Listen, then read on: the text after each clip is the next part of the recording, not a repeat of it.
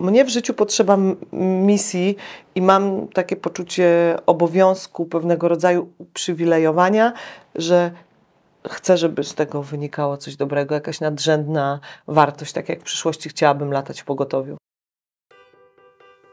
Marzenia się nie spełniają, marzenia się spełnia. W podcaście Napędzani Marzeniami rozmawiam z ludźmi, którzy udowadniają to swoim przykładem. Nazywam się Joanna Borucka i jestem założycielką firmy Katalog Marzeń, oferującej prezenty w formie przeżyć. Cześć!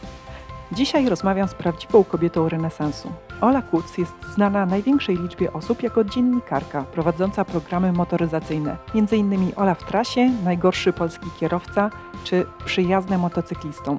Sporo osób wie, że Ola jest motowojowniczką, ściga się na motocyklach oraz w rajdach samochodowych. Mniej osób wie, że Ola jest zapaloną lotniczką, a także reżyserką, artystką i działaczką społeczną.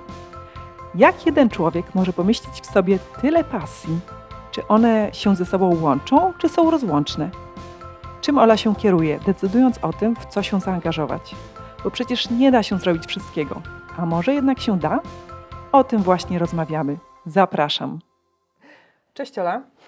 Dzięki Cześć. wielkie za pojawienie się na tej kanapie i za to, że za chwilkę opowiesz nam, jakie marzenia Cię napędzają. A ja lubię zaczynać z moimi gośćmi rozmowę od tego, od początku bym powiedziała. I początek to jest dla mnie dzieciństwo. I chciałam się Ciebie zapytać, jaką Ty byłaś e, dziewczynką w takim wieku kilkuletnim, przed tym okresem nastoletnim? Dziękuję bardzo, Asiu, za zaproszenie. Bardzo miło jest tu z Tobą wylądować. Byłam dzieckiem bardzo spokojnym, posłusznym i zamkniętym w sobie. Ha. No właśnie, mniej więcej. Em, nikt mi w to nie wierzy, jak to mówię. No, byłam dzieckiem dosyć nadpobudliwym, bardzo ciekawym e, świata, ale bardzo szczerym i uczuciowym z tego, co opowiadają mi rodzice. Mam przebłyski, mam, e, mam pamięć z tamtego czasu. Wszyscy mamy, natomiast taką nieujawnioną i podświadomą. To było bardzo aktywne dzieciństwo. Bardzo piękne dzieciństwo, ale też niełatwe ze względu na perypatie różne rodzinne. Mhm. Opowiesz o czymś? e, Co chciałabyś właśnie wiedzieć? Nie wiem, jak tutaj Cię pociągnąć za język, bo powiedziałaś aktywny. E, Na czym polegała ta aktywność? Na tym, że podróżowaliśmy i to zapewne e, był e, też ten moment, kiedy ja uczyłam się tego, że jednak warto to robić i że podróże są piękne. Cały mój ród jest e, rozrzucony po świecie, więc e, siłą rzeczy jakby ten, ten, ta, ta wielowątkowość świata była obecna w naszej rodzinie. Począwszy od podróży, które wcale nie były takie naturalne e, w komunie, w której jeszcze przyszło m, e, mi żyć, ale było dużo też w tym dobrego, że to generowało jakąś trudność, bo ludzie musieli się o to bardziej, bardziej e, postarać. Robiliśmy dużo ciekawych rzeczy, mam takie pełne przekonanie. Rodzina zawsze była twórcza, więc e, nie, nie pamiętam nudy poza tą naturalną nudą, na którą zwykliśmy mówić teraz, demonizując te czasy, mogliśmy sobie pozwolić jako dzieci, czyli nie, nie, nie zawsze się nami e, zajmowały na przykład sprzęty, nie zawsze naszą uwagę od, odwracała elektronika, tylko należało samemu na przykład narysować klasy bądź e, grać e, w gumę. To naprawdę było świetne. Więc to dzieciństwo było aktywne pod, w sensie i intelektualnym naszego kształcenia, podróżowania, e, obecności wielu ciekawych ludzi w mojej rodzinie, a skończywszy na tym, że mam poczucie, że zawsze robiliśmy ciekawe rzeczy. Bardzo to ze mną rezonuje. Myślę, że e, pomimo tego, że ja mm, chyba tak do 10 lat, to ja byłam spokojnym e, dzieckiem, potem może troszkę mniej, to, e, to jednak też ta aktywność wszelakiego rodzaju e, gdzieś tam była bardzo blisko i po prostu istniała w moim życiu. Mm, A kiedy się objawiła Twoja pasja i która, która z licznych pasji objawiła się jako pierwsza? Ciężko by było to określić, bo mm, te pasje są tak naturalne, że trudno byłoby mi opowiedzieć o tym, że ten towar pojawił się wtedy. Bo to się działo naturalnie, że ja wsiadałam na rowerek, że ja chciałam polecieć, e, że mm, ja ustawiałam inne dzieci w grupie i tym podobne. E, To się gdzieś ujawniało sama, samo. Myślę, że wraz ze wzrostem, pozwolę sobie powiedzieć, pewnej świadomości mojej, głównie mentalnej i duchowej, ja nauczyłam się tym zawiadować, bo mm, można mieć szereg talentów, jakiejś wysokiej wibracji, energetyki, e, która sprzyja pewnym zachowaniom, ale wcale nie umieć tego dobrze wykorzystać. Wręcz przeciwnie, być dzieckiem ruchliwym w klasie, w której należy siedzieć cicho, e, wtedy, kiedy ma się nauczyciela, którego kompletnie nie obchodzi Twoja dynamika na przykład. Myślę, że wielu z nas mm, chodząc y, do szkoły w tych czasach, o których wspomniałam wcześniej, miało taki problem z nauczycielami, którzy byli niespecjalnie zaangażowani. Nikt wówczas nie weryfikował ich e, zaangażowania. Teraz rzecz, rzecz jasna to bywa nawet czasem za mocno. Myślę, że ich praca jest bardzo trudna. Pozdrawiam wszystkich moich nauczycieli, najbardziej tych lotniczych ostatnich. Ale mm, to były naturalne procesy, że, że mnie ciągnęło zawsze do tej takiej wysokiej aktywizacji i jednak muszę przyznać do jakiegoś dowodzenia. Ja cię pociągnę dalej. e, Za Tak, język. tak, proszę. No właśnie, powiedziałaś przed chwilką o lataniu. Znamy cię, myślę, takie najszersze grono zna, zna cię z e, dwóch kółek. Tak. Więc y, co było najpierw? Czy najpierw były te kółka, czy najpierw, e, czy najpierw były statki powietrzne? Najpierw były tak naprawdę samoloty, ale motoryzacja była A tego nie wiedziałam. łatwiej dostępna, bo jakby w mojej rodzinie lotnictwo było obecne, byli też lotnicy y, w rodzinie, ale łatwiej było sięgnąć po, po samochód czy motocykl, który mamy codziennie na drodze, zwłaszcza, że ta motoryzacja też była mocno obecna w moim rodzie, nawet zawodowo.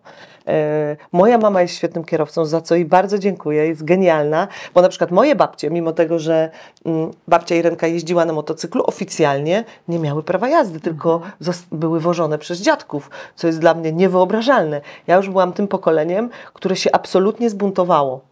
Byłam tą zbuntowaną dziewczyną, której e, wolno wszystko i ja sobie na to wszystko pozwoliłam. E, Między innymi właśnie z powodu tego buntu. Zachłysnęłam się tym, że ja mogę szybko jeździć, że ja mogę jeździć na motocyklach, że ja nie muszę już jak moje ciocie eleganckie w rodzie siedzieć e, bokiem konno. Oczywiście w lesie się wszyscy przesiadali, bo tak się nie da jeździć, ale mogę już zupełnie oficjalnie, e, na pełnej petardzie, posługując się terminologią e, księdza Jana, o którym myślę też wspomnimy a propos filmu, mm, żeby żyć tak jak chcę i przekonywać te bariery, które wcześniej były zarezerwowane dla mężczyzn, którym, których e, pole wolności było o wiele szersze. Miałam poczucie, że ja jestem tą współczesną czarownicą, która lata, wsiada na motocykle, robi to, co chce, jednocześnie dbając o swoją kobiecość, granice i szacunek. Taką miałam, taką miałam ideę fix i taką misję i łatwiej mi było oczywiście sięgnąć po samochody i motocykle, no nawet sięgnąć. One po prostu były dostępne. Lotnictwo wymaga już jakby wyższego stopnia zaangażowania, bo musisz się wznieść e, w powietrze. A mm, jak zajęłaś się tak, mm, już można powiedzieć, na poważnie e, motoryzacją, to traktowałaś to jako hobby, czy e, od razu też widziałaś w tym e, sposób na zarabianie po prostu? Muszę Ci przyznać szczerze, że ja nigdy nie myślę o sposobie na zarabianie. I to jest, to może być i urocze, i e, tak naprawdę zgubne, przynajmniej finansowo. To nigdy nie było moim celem, że myślę o czymś w sposób zarobkowy, zawodowy, bo pasja zawsze bardziej mieszkała tutaj niż tutaj, więc ciągnęła mnie najpierw energetyka czegoś, a później ewentualnie mm, analizowanie tego, do czego to może się przydać, albo jak możemy zrobić z tego jakiś produkt, na przykład robiąc programy motoryzacyjne, począwszy od Olive Trasie, a kończy, skończywszy na przyjaznym motocyklistą, gdzie miałam zawsze szczęście do świetnych ludzi, partnerów w programie, producentów, z którymi mogliśmy po prostu rozwijać e, przyjaźń i taką e, trasę zawodową.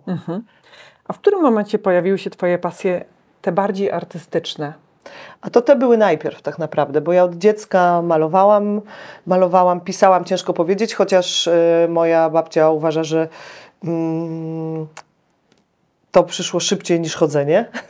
Ja oczywiście najpierw mówiłam, a później chodziłam, bardzo szybko pisałam. Em, To było jakoś tak naturalne, bo artystów jest y, dużo w, w rodzinie. Ale właśnie ja nie wybrałam od razu tej drogi artystycznej, zobacz, bo ona mi się wydawała wówczas zbyt łatwa, skoro mnie tak łatwo przychodzi pisanie i malowanie, to po co ja mam to robić? Choć zawsze ciągnęło mnie do tego, co jest trudniejsze, co wymaga ode mnie przekroczenia, przekroczenia granicy. Być może to był, to był ten, ten, ten rodowy bunt i jakiś rodzaj, teraz mogę śmiało to powiedzieć, zemsty za ten ród kobiet, że ja mogę sobie już na pewne rzeczy pozwolić, które są trudniejsze, wymagają ode mnie większej odwagi i e, jakby rozszerzania tego, tego pola wolności. Naprawdę, to, co bardzo mi łatwo szło i to, co umiałam, wydawało mi się zbyt banalne, chociaż myślę też, że w dużej mierze nie szanowałam tego, że, że tak łatwo mi to przychodzi.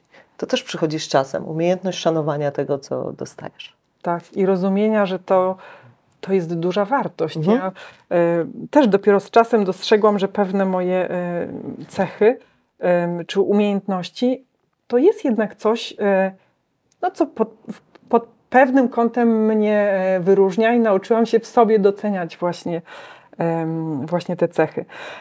A słuchaj, tych pasji masz tak dużo, że ja się zastanawiam, czy, e, czy zdarzyło ci się e, kiedyś, że któraś z tych pasji się skończyła, wypaliła, pożegnałaś się z nią? Może nie wypaliła, ale siłą rzeczy musiałam jakby te, te, te moduły w tym swoim katalogu marzeń przestawiać, bo doba ma e, te 24 godziny. Ile by nie miała, po prostu wystarczy nam e, tego paliwa na, na, na dolot do tego albo tego lotniska. No nie da się polecieć do dwóch naraz, nad czym ubolewam pół życia. Natomiast e, no one jakby schodziły na dalszy plan, tak? No teraz na przykład motoryzacja nie jest numer jeden, ale motoryzacja dowozi mnie na lotnisko. I chciałabym te wszystkie kropki wreszcie połączyć. Rozmawiałam e, kilka dni temu z kolegą z pracy i też jakiś czas temu z koleżanką, którzy są osobami właśnie wielu pasji i takimi, że nie usiedzą w miejscu, cały czas sobie coś znajdują. I tak mówią, że czasem ich to przerasta, bo chcą robić tak dużo rzeczy i planują, że zrobią to i tamto i jeszcze coś innego, że w którymś momencie są na siebie źli, że tak dużo właśnie wymyślili pomysłów i się zastanawiają, zastanawiają, jak pogodzić właśnie tą chęć do robienia wielu rzeczy mm, po prostu ze zmęczeniem, z taką frustracją, że jednak e, no, albo się nie da wszystkiego, albo jak się da, no to za cenę, która czasem jest dosyć duża. Czasem jest to też zawiedzenie innej osoby, bo podejmujesz się czegoś, a potem się okazuje, że tego jest za dużo. Czy coś takiego ci się zdarza, albo jak sobie radzisz z tym, żeby ci się nie zdarzało? No, Sztuka odpuszczania jest chyba jedną z największych lekcji e, mentalnych w naszym życiu. E, poza tym dotarcie do sedna sprawy, po co my coś chcemy zrobić. Czy to, nie są, e, czy to nie są czasem sytuacje ucieczkowe, albo czy ciągle nie chcemy sobie czegoś udowodnić, albo nadrabiamy tą adrenaliną inne rzeczy.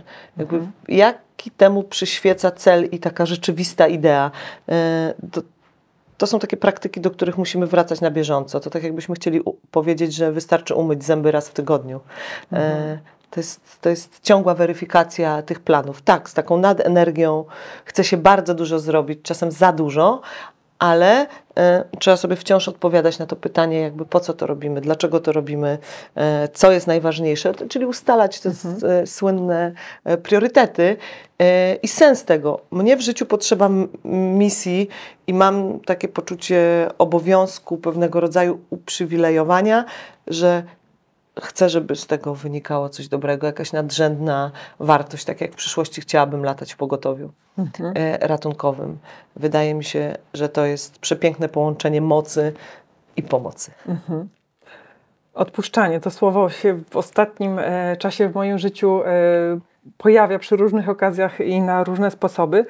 I chciałam się zapytać, jak mm, powiedziałaś, że to jest sztuka, ale czy to jest coś, z czym się rodzisz, czy tego się uczysz? Jak się uczysz, to jak?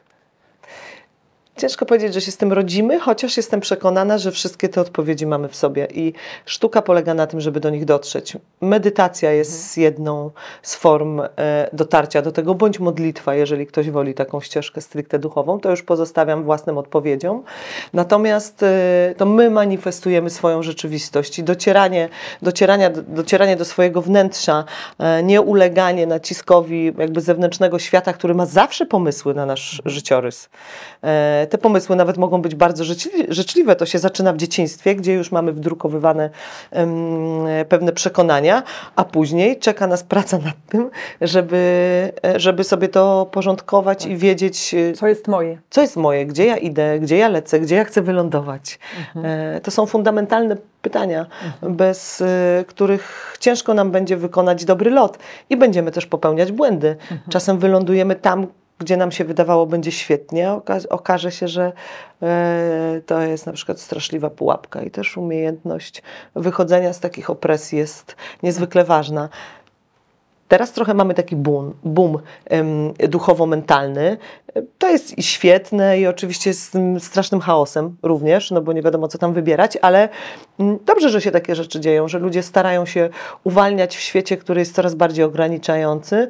Pandemia i to, co się dzieje na świecie, mm, bardzo boleśnie nam e, ukazuje nasz stan mentalny, w jakim jesteśmy na świecie, mając tak naprawdę wszystkie elementy, z których możemy zbudować szczęśliwe życie. My w dużej mierze jednak kręcimy się w kółko, nie mamy odwagi żyć prawdziwie, e, wciąż powodujemy wojny, mamy pandemię, poczucie samotności, depresję, no albo zwrócimy się do tego środka i będziemy mieli odwagę skonfrontować się z tym, co trudne, albo będziemy się tak kręcić w kółko. No to tak jakbym chciała polecieć e, daleko, złożyła plan lotu, a cały czas kołowała po lotnisku. No właśnie, i tutaj odpowiedzią jest ta misja i dotarcie do swojej misji.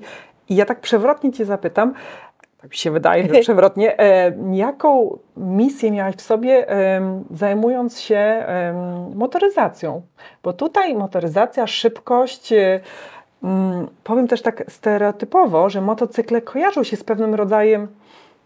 mm, Nie chcę, żeby to negatywnie zabrzmiało, ale powiem to No słowo, dawaj. takim szaleństwem, tak? Takim No tak właśnie jest. wariactwem.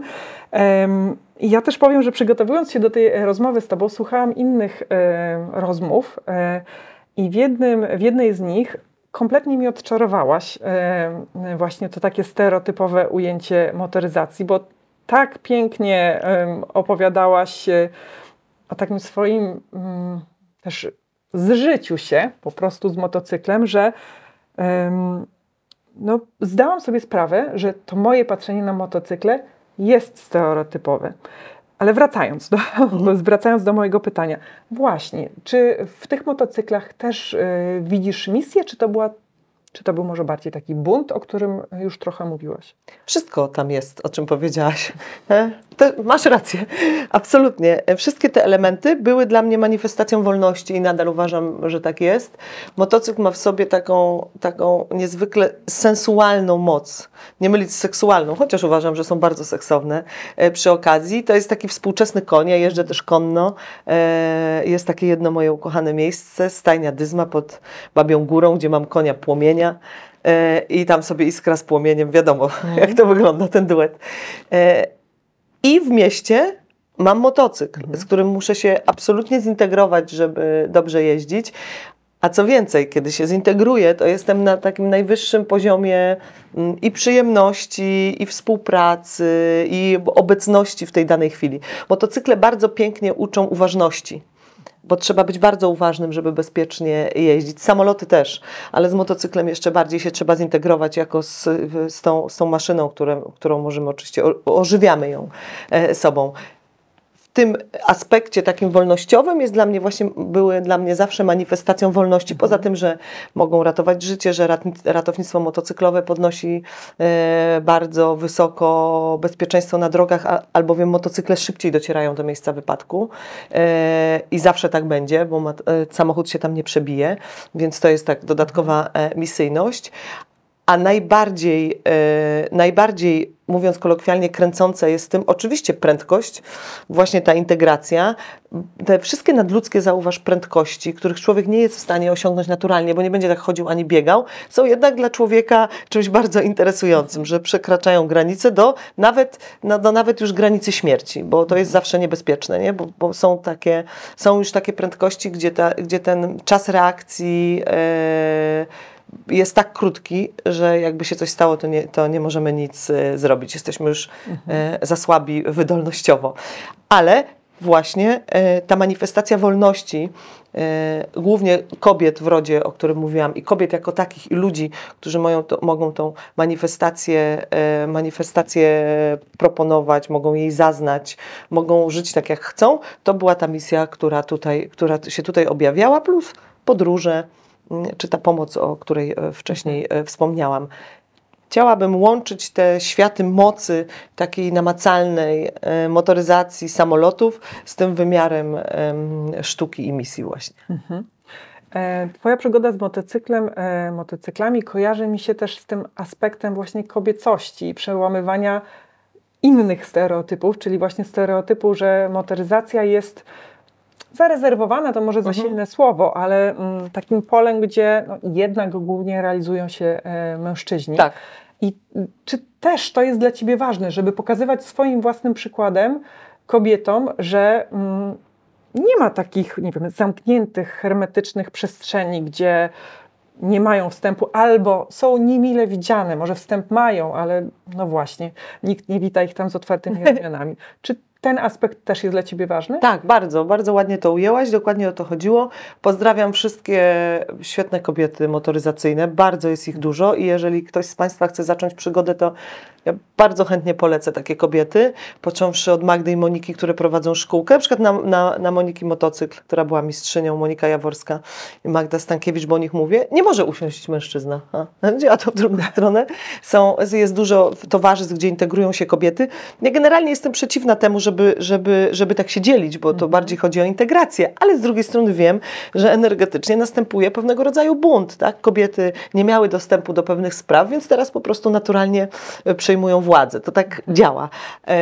Ale też, powiedzmy to sobie szczerze, motocykle, czy też w ogóle sprzęty kiedyś były trudniejsze, były trudniejsze fizycznie, były ciężkie, nie miały tych wszystkich wspomagań, sprzęt nie chodził tak lekko, e, nie współpracował tak łatwo, więc siłą rzeczy zajmowali się tym mm, silniejsi fizycznie, chociaż to też nie jest takie oczywiste, że ci mężczyźni są za- zawsze silniejsi e, fizycznie, na co narzekamy w tych czasach. Ale łatwiej im było zająć się takim ciężkim sportem fizycznie, dźwigać te motocykle. Ja przez chwilę ścigałam się enduro i muszę przyznać, że uznałam, że to nie jest e, sport dla, mm, jakkolwiek to brzmi, wrażliwej dziewczyny, bo e, szarpanie się z tym motocyklem dla mnie w pewnych momentach było już absolutnie hardkorowe, a znam dziewczyny, które robią to rewelacyjnie, więc niechże to będzie indywidualna ścieżka, I jeżeli tutaj e, widzimy bunt kobiet i możliwość tej manifestacji wolności, to tak, niech to się dzieje. Mogą jeździć i e, sprzęt jest bardzo sprzyjający wobec tego, co było kiedyś. Myślę, że trudniej byłoby mi jeździć na starym junaku, z którym się trzeba szarpać, niż teraz na, na, na nowoczesnym jakimś motocyklu, który ma wszystko, czego ja potrzebuję. Nie? Może za jakieś e, ileś lat e, córki, wnuczki będą mówiły, o Boże, jak one w ogóle mogły na to wsiadać, bo my mamy teraz jakiś taki, jakiś taki sprzęt, który po prostu dotykają palcem i, e, i on e, jedzie. Ale tak porównując takie fizyczne aspekty, takie parametry, które mogłybyśmy rozpisać, to, to to jest dużo łatwiejsze i super, bo możemy z tego korzystać. Nie, nie musimy się męczyć, możemy już czerpać em, dużo więcej samej przyjemności. W lotnictwie jest tak samo. Też te sprzęty się zmieniły no, znacznie. A czy są jeszcze właśnie jakieś takie stereotypy, które mm, są dla Ciebie ważne, żeby z nimi walczyć? Bardzo dużo jest tych stereotypów. Społecznie, jeżeli człowiek jest aktywny społecznie, to cały czas się z nimi spotyka. I teraz walczyć, właśnie. Mm, Czy, na czy aby na pewno chodzi o walkę? Bo ja jestem waleczna bardzo, nawet za bardzo i wciąż. mm, I wciąż sama konfrontuję się z tą swoją walką i myślę o tym, że jednak ważniejsza w życiu jest integracja. I już nie chciałabym teraz rzucać duchowych formułek, które, e, które o tym mówią, że jakby to nie o ten stan walki chodzi, tylko mm, o stan e, integracji, w ogóle trwania w kompletnie innej jakości.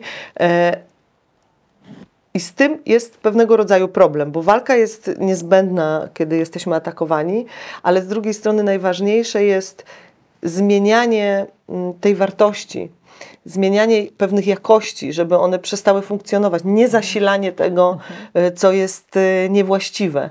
A takich em, elementów jest jeszcze bardzo dużo, tych stereotypowych, o których mówisz, tych przekonań dotyczących ludzi, wzajemnych relacji, właśnie niestawania w prawdzie, braku odwagi. Bez tego naprawdę nie da się ruszyć dalej. I miałam to szczęście i święto uczestniczyć w bardzo ważnych ostatnich momentach em, życia pewnych ludzi, robiąc film. Za co dziękuję im z całego serca i personelowi, moim bohaterom i sobie samej, że miałam odwagę to zrobić.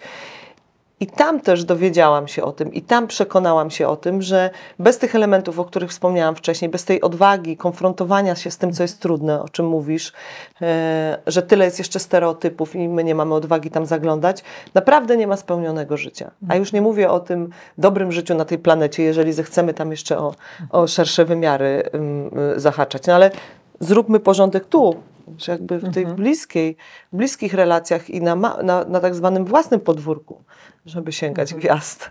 Za chwilę będę chciała. mm, Ja się rozgadałam. Bardzo dobrze. Uważaj mnie, o co mnie pytasz, bo później polecę, wiesz. Zaraz będę chciała wrócić e, do tej Twojej działalności właśnie w takiej sferze charytatywnej, dobroczynności, ale jeszcze a propos walki, bo tak usłyszałam w tym, co mówisz, że, mm, że walka to może nie jest odpowiednie słowo, w tym sensie, że to jest też pewnego rodzaju agresja, Mhm. jest taka konfrontacja negatywna, bym powiedziała, Mhm. konfrontacja.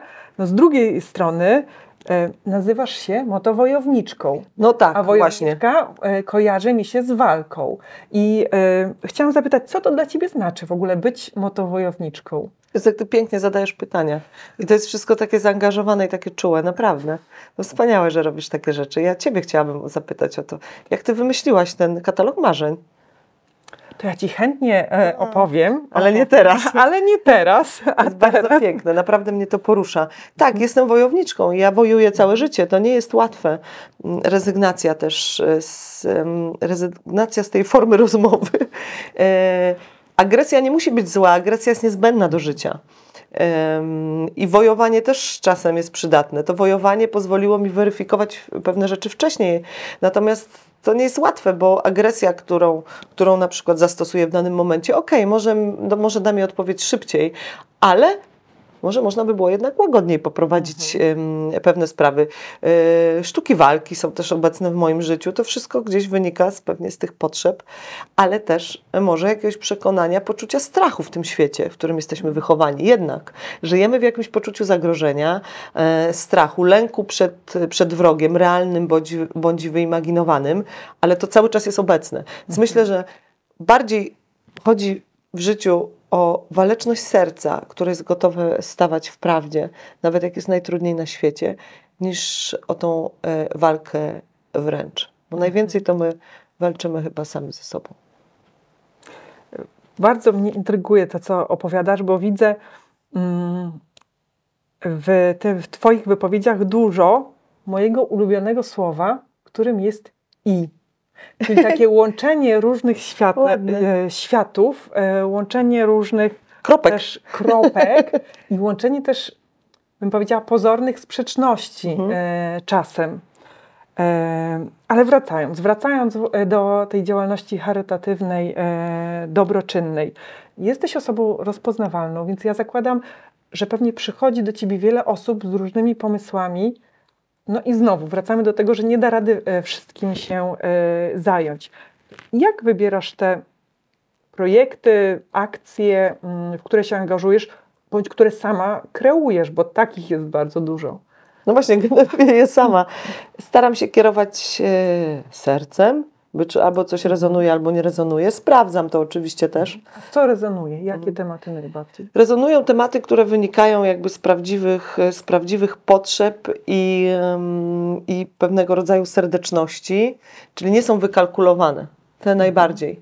E, Gdzie jest e, ta szeroko pojęta prawda. Jeżeli ja czuję, że tam jest prawda, to zwykle tam podążam. Jeżeli czuję, że jej nie ma, to potrafię robić straszne rzeczy. Mhm. Naprawdę. Wtedy ten wojowniczy e, miecz nie zna granic, co wcale nie jest takie łatwe, mm, ale tak się rzeczywiście dzieje. To jest moja nauka na życie, żeby tą weryfikację e, prowadzić coraz łagodniej. E, Tak myślę, bo łatwo jest reagować em, machinalnie, jeżeli nauczymy się tego przez całe życie. Wzorce są czymś bardzo silnym w naszym życiu. Życiu. To, jest, to jest dopiero temat rzeka, jak sobie mm, radzić z tym, żeby, żeby być już jakby w pewnym wyniku, a nie, a nie ciągłej e, walce. Natomiast prawda jest y, kluczową i nadrzędną wartością dla mnie. Jeżeli przychodzi jakiś projekt, to ja sprawdzam, czy, czy on jest autentyczny, czy on jest prawdziwy, czy y, tam można zrobić y, coś dobrego. No i tak staram, się, tak staram się działać. Na szczęście jestem zapraszana do różnych fantastycznych e, projektów, począwszy od czystych Tatr, e, które realizujemy. E, I dziękuję mojemu przyjacielowi Rafałowi Sonikowi, że chce mu się to wciąż robić. No, to też jest jedna z takich postaci totalnie aktywnych, osiągających niesamowite sukcesy ludzi, którzy ma, który ma w poczuciu obowiązku o jakieś ulepszanie świata. Ja mam Bardzo mnie takie, to cieszy. E, ja mam takie spostrzeżenie, że marzyciele, i to w szczególności marzyciele, którzy aktywnie realizują swoje marzenia, to są ludzie, e, dla których e, ważna jest ta działalność też dobroczynna dla kolejnych pokoleń, tak bym Mhm. powiedziała. Tak. Tak. I, I to jest przy kolejnych rozmowach właśnie mi się to wzmacnia, to poczucie, że tak, tak właśnie jest. I to się tak nawzajem napędza, bo robiąc różne rzeczy, one nas zmieniają e, no i powodują, że chcemy jeszcze kolejne, jeszcze mm, bardziej wartościowe rzeczy robić. Tak. I tu się chciałam Ciebie zapytać, która z tych akcji, przedsięwzięć, przedsięwzięć miała dla Ciebie taki najbardziej wewnętrznie transformujący wymiar? Wszystkie. Wszystkie są tak naprawdę znaczące i mówię to absolutnie szczerze. Oczywiście film bardzo, bo, Opowiedz. bo ten czas spędzony tam był, był, był świętem, ale na, naprawdę te wszystkie. Jeżeli się w coś angażuję i to mnie bardzo cieszy, y, mam przywilej mówienia do ludzi w jakimś szerokim gronie, to myślę, że, że Państwo już wiedzą, że mówię o tym, co sprawdziłam i co działa. Każdy z tych elementów jest ważny. Ja chętnie bym opowiedziała o wszystkich moich przyjaciołach, cudownych ludziach, którzy robią wspaniałe rzeczy. Właśnie e, tak jak pozwalam sobie co jakiś czas e, wspominać, a skończywszy na Aeroklubie Warszawskim i tych wszystkich ludzi, których tam e, uwielbiam i tych wszystkich cudach. Nie sposób, bo nie mamy tyle czasu. Możemy listę zamieścić aktualnie. Każda z nich jest transformująca, jeżeli podchodzimy do niej naprawdę autentycznie, jesteśmy zaangażowani, jeżeli to nie jest powierzchowne. E, Myślę, że Ciebie też męczy powie- powierzchowność tego świata, w którym żyjemy. Nie chcę na niego narzekać, bo to jest nasza rzeczywistość, sami ją, sami ją e, kreujemy, ale zaangażowanie, jeszcze raz zaangażowanie, daje zawsze głębokie przeżycie i zawsze jakąś transformację. Więc wszystkie były ważne. Tak, film był jedną z najważniejszych, bo to już jest obcowanie z absolutem. No właśnie, film. E, jeszcze dążę. Opowiedz, jakie jest e, jego przesłanie. E, Zrobiłam film o śmierci po to, żeby chciało się Państwu bardziej żyć. Mnie się chce żyć i uznałam, że skoro mam tyle energii, to udźwignę to i zrobię to. Dziękuję za to, że ją mam. Chciałabym umieć ją całe życie pielęgnować i doceniać. Znalazłam się w hospicjum, bo tam odchodził mój przyjaciel Jacek Szymczak. I jak pewnie większość z Państwa, myślę, że śmiało mogę tak powiedzieć, kojarzy hospicja raczej, raczej z miejscem strasznym. No bo to przecież odchodzenie, a może w tym hospicjum, hospicjum już nikt się z nami nie liczy. Otóż okazało się, że w hospicjum, które założył Jan Kaczkowski, Jan jeszcze żył e, i cały cudowny personel, który nadal to prowadzi, stworzyło miejsce pełne blasku i miłości. I nie mówię tego na wyrost. E, Chcieliśmy jeszcze z Jackiem takie y, robię, się zawieszam. E, To naprawdę ważne, ważny również dla mnie osobiście temat, śmiem twierdzić, ważny generalnie. Z Jackiem jeszcze chcieliśmy zrealizować razem film o miłości. I wydawało nam się, jak to zwykle się przyjaciołom wydaje, w ogóle nam ludziom, że mamy jeszcze czas. Ten czas się skończył, Jacek odszedł na nowotwór, mając 41 lat w tymże hospicjum, otoczony swoimi bliskimi. Mm, Była przy nim jego ukochana moja przyjaciółka Ola. I ja uznałam, że zrobię ten film o miłości. Tylko obsadzę jako bohaterów e, pacjentów hospicjum, ponieważ oni mają prawo nam powiedzieć o życiu coś znacznie więcej i mówiąc kolokwialnie, bez zupełnej ściemy, ściemy Mhm. bo stoją już w absolutnej prawdzie. I zrobiłam to. Spędziłam nad tym filmem 5 lat, bo to dokument, i uczestniczyłam w e, absolutnych e, mszach duchowych. Nie mówię teraz o wymiarze religijnym. E, Tam też zweryfikowałam prawdę o sobie, czy ja staję właśnie w tej autentyczności. Musiałam to weryfikować na bieżąco, czy mam serce, czy czuję i jak ja sobie odpowiadam na to pytanie, gdzie ja jestem, jak chcę żyć i kim jestem. Tam odbywały się już takie rozmowy, gdzie nie trzeba było wydobywać z siebie słów. Siedziałam z moimi bohaterami, myślałam pytanie, oni mi odpowiadali. Naprawdę na tym świecie jest o wiele więcej wymiarów niż te, które ogarnia nasz mózg. Mhm. Już za chwilę premiera tego filmu. Czy on będzie później dostępny w szerszej dystrybucji? Tak, tak będzie. Mam nadzieję, że trafi. Znaczy tak, będzie dostępny w tak zwanych internetach i mhm. telewizjach. Miał już swoją premierę festiwalową. Pandemia to troszeczkę zaburzyła, no bo mm, mój film wszedł do kina, wyszły kina. E, bardzo wszystkim za wsparcie dziękuję. A teraz od 11 czerwca, no nie wiem kiedy będzie materiał. Mhm. Będzie w kinie Muranów jeszcze grany, więc bardzo serdecznie zapraszam do kina, bo kino jest magią i tą magię można tam przeżyć. I to nie jest straszny film, to jest film, który dodaje skrzydeł. E, zmienił już paru osobom życie, to jest dla mnie wielkie święto dzięki moim bohaterom, bo udało mi się tam z nimi e, polecieć w te najważniejsze rejony. Mhm. E, podlinkujemy na mediach społecznościowych kanału Napędzani Marzeniami też tą informację o filmie umieścimy, Dziękuję. bo, bo myślę, że to ogromnie ważne i możemy się po prostu tak dużo dowiedzieć o sobie i nauczyć e, z takich e, dokumentów, że bardzo bym chciała, żeby jak najwięcej z Was e, ten film zobaczył. Dziękuję Ci bardzo. To jest dla mnie niezwykle wzruszające, bo my wypieramy temat śmierci w naszej kulturze, jakoby nie istniała. Będziemy wiecznie młodzi, tam tutaj sobie wstrzykniemy, tam, tam sobie zjemy i się nigdy nie zestarzejemy. A śmierć, śmiercią to się zajmują szpitale i domy pogrzebowe, do których nikt nie zagląda. Mniej więcej w skrócie to tak mhm. wygląda. Mm, jest kościół, który pełni już zupełnie inną funkcję niż kiedyś. Są wymiary duchowe, które mm, też niespecjalnie zajmują się samym aktem chociażby śmierci, tak? że ludzie umierają. Gdzie są te rytuały, mhm. mm, w czasie których żegnaliśmy naszych bliskich, mogliśmy się oswoić z tym, że oni odchodzą, pożegnać z nimi załatwić wiele spraw, które są niezałatwione. Mnóstwo ludzi boryka się z tym, czego nie załatwiło w własnym rodzie. No, niektóre rzeczy sięgają bardzo daleko, to trzeba już duchowo to załatwiać, ale nie, nie, nie załatwiamy nawet tych bieżących, mhm. które, które możemy jeszcze załatwić za życia naszego bądź naszych bliskich. Mhm. My nie wiemy, kiedy to się skończy, a tak cały czas ściemniamy. Mhm.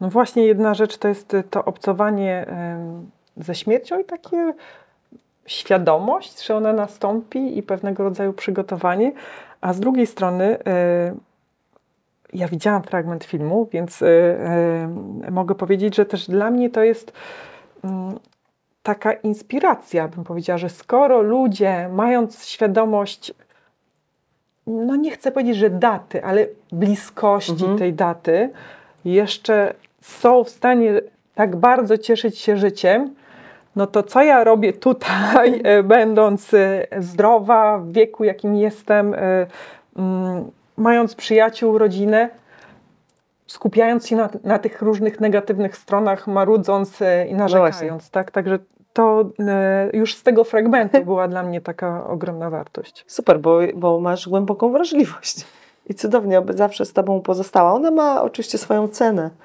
bo nie zawsze jest y, łatwo, ale jest prawdziwie. To memento mori, które pojawia się w filmie, to jest właśnie to pytanie, które warto sobie zadać. Co byś zrobił dzisiaj, gdyby jutra nie było? Jeżeli to byłby ostatni dzień Twojego życia. Mhm. A przecież wiemy, że ten czas jest policzony.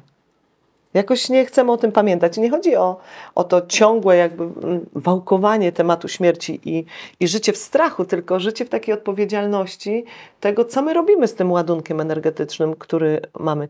Naprawdę czasem lepiej jest dać y, albo przyjąć strzał, żeby sprawdzić, czy jesteśmy w stanie wytrzymać y, pewne problemy, niż udawać przez większość życia i pod koniec stwierdzić, że się to przekłamało. A ja znam takie historie.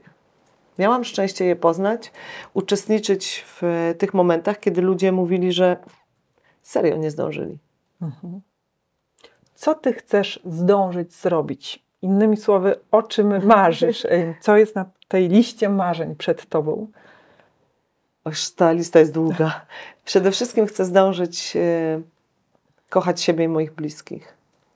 Tak autentycznie i żyć z nimi w prawdzie. Żyć z ludźmi, którzy mają odwagę żyć w prawdzie, a nie uciekać przed tym, co jest trudne. To jest niezmiernie ważne, bo do jakby e, łatwej zabawy jest zawsze dużo chętnych, ale to może być bardzo powierzchowne. Dopiero w momencie, w momentach skrajnych e, dowiadujemy się pewnej prawdzie o sobie i e, innych. Ale też chciałabym jakby umieć, um, umieć zająć się tym już dobrym wynikiem, a nie tymi ciągłymi próbami. Mam w planach e, dużo lotnych rzeczy i oby się one spełniły. Albo o, lepiej tak, że one są już spełnione i ta misja została e, wykonana. Tak, to jest chyba najważniejsze. Chyba, że zadałabyś mi bardzo konkretne pytanie, co jutro albo który to jest program, no to wtedy opowiem Ci, jak to wygląda. Pytam, Mm, pytam. Dobra. Mm, Po czynach ich poznacie. Trzeba dać świadectwo. Tak bym chciała, e, żeby to funkcjonowało. W najbliższym czasie e, wydam książkę lotniczą o biało-czerwonych iskrach, czyli naszym odrzutowym polskim samolocie Iskra. Moje przezwisko tutaj nabiera zupełnie innego sensu. To będzie, mam nadzieję, w, już w sierpniu tego roku na Airshow w Radomiu. No i szykujemy nowe programy e, lotnicze, które e, jak najszybciej, wierzę w to, ujrzą światło dzienne i będą ludziom dodawały skrzydeł. Lotnictwo stało się e, bardzo priorytetową sprawą w moim życiu i to chciałabym połączyć ze sztuką. Nie wiem, czy to karkołomne, czy to po prostu dobre wyzwanie.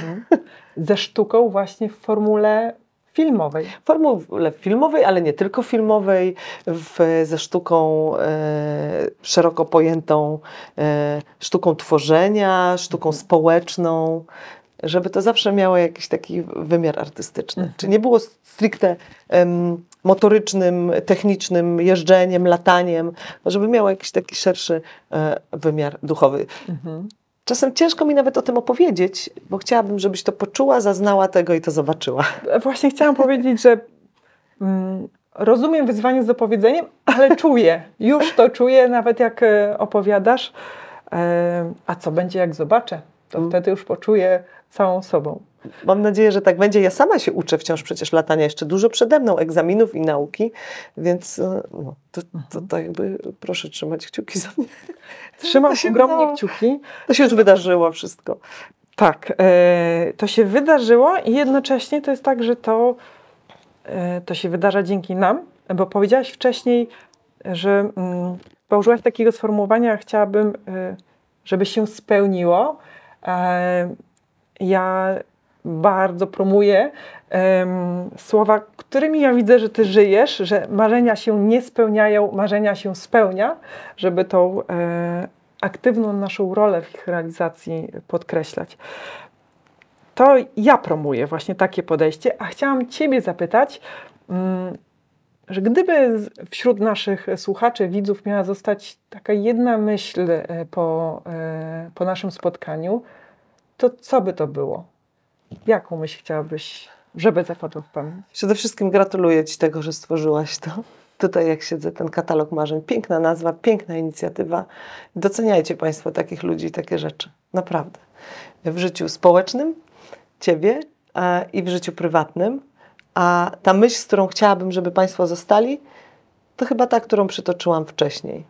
Co byś zrobił, jakby jutra nie było? Ola, dziękuję serdecznie za to piękne podsumowanie. Trzymam kciuki za realizację Twoich marzeń. Dziękuję za tą energię, która od Ciebie bije i którą się dzielisz. Dziękuję e, i wzajemnie. Mam nadzieję, że się jeszcze spotkamy, żeby móc razem e, dodawać skrzydeł temu światu. To trzymamy obie za to kciuki. Tak. Wow! Ola jest dla mnie wulkanem energii i mistrzem łączenia pozornych przeciwności, motoryzacji i sztuki, siły i wrażliwości, parcia do przodu i umiejętności zatrzymania się tu i teraz, silnej własnej opinii oraz szacunku i ciekawości co do opinii drugiego człowieka. A do tego zadaje trudne i ważne pytania. Co byś zrobił, zrobiła dziś, gdyby jutra nie było? Ja bym chciała spędzić ten czas z bliskimi, po prostu razem być. A ty? To może umówmy się, że nie będziemy czekać do tego dnia, kiedy jutra już nie będzie, tylko zrobimy to właśnie dziś? Z tą propozycją Cię zostawiam i zapraszam już wkrótce na kolejną rozmowę z niezwykłym gościem.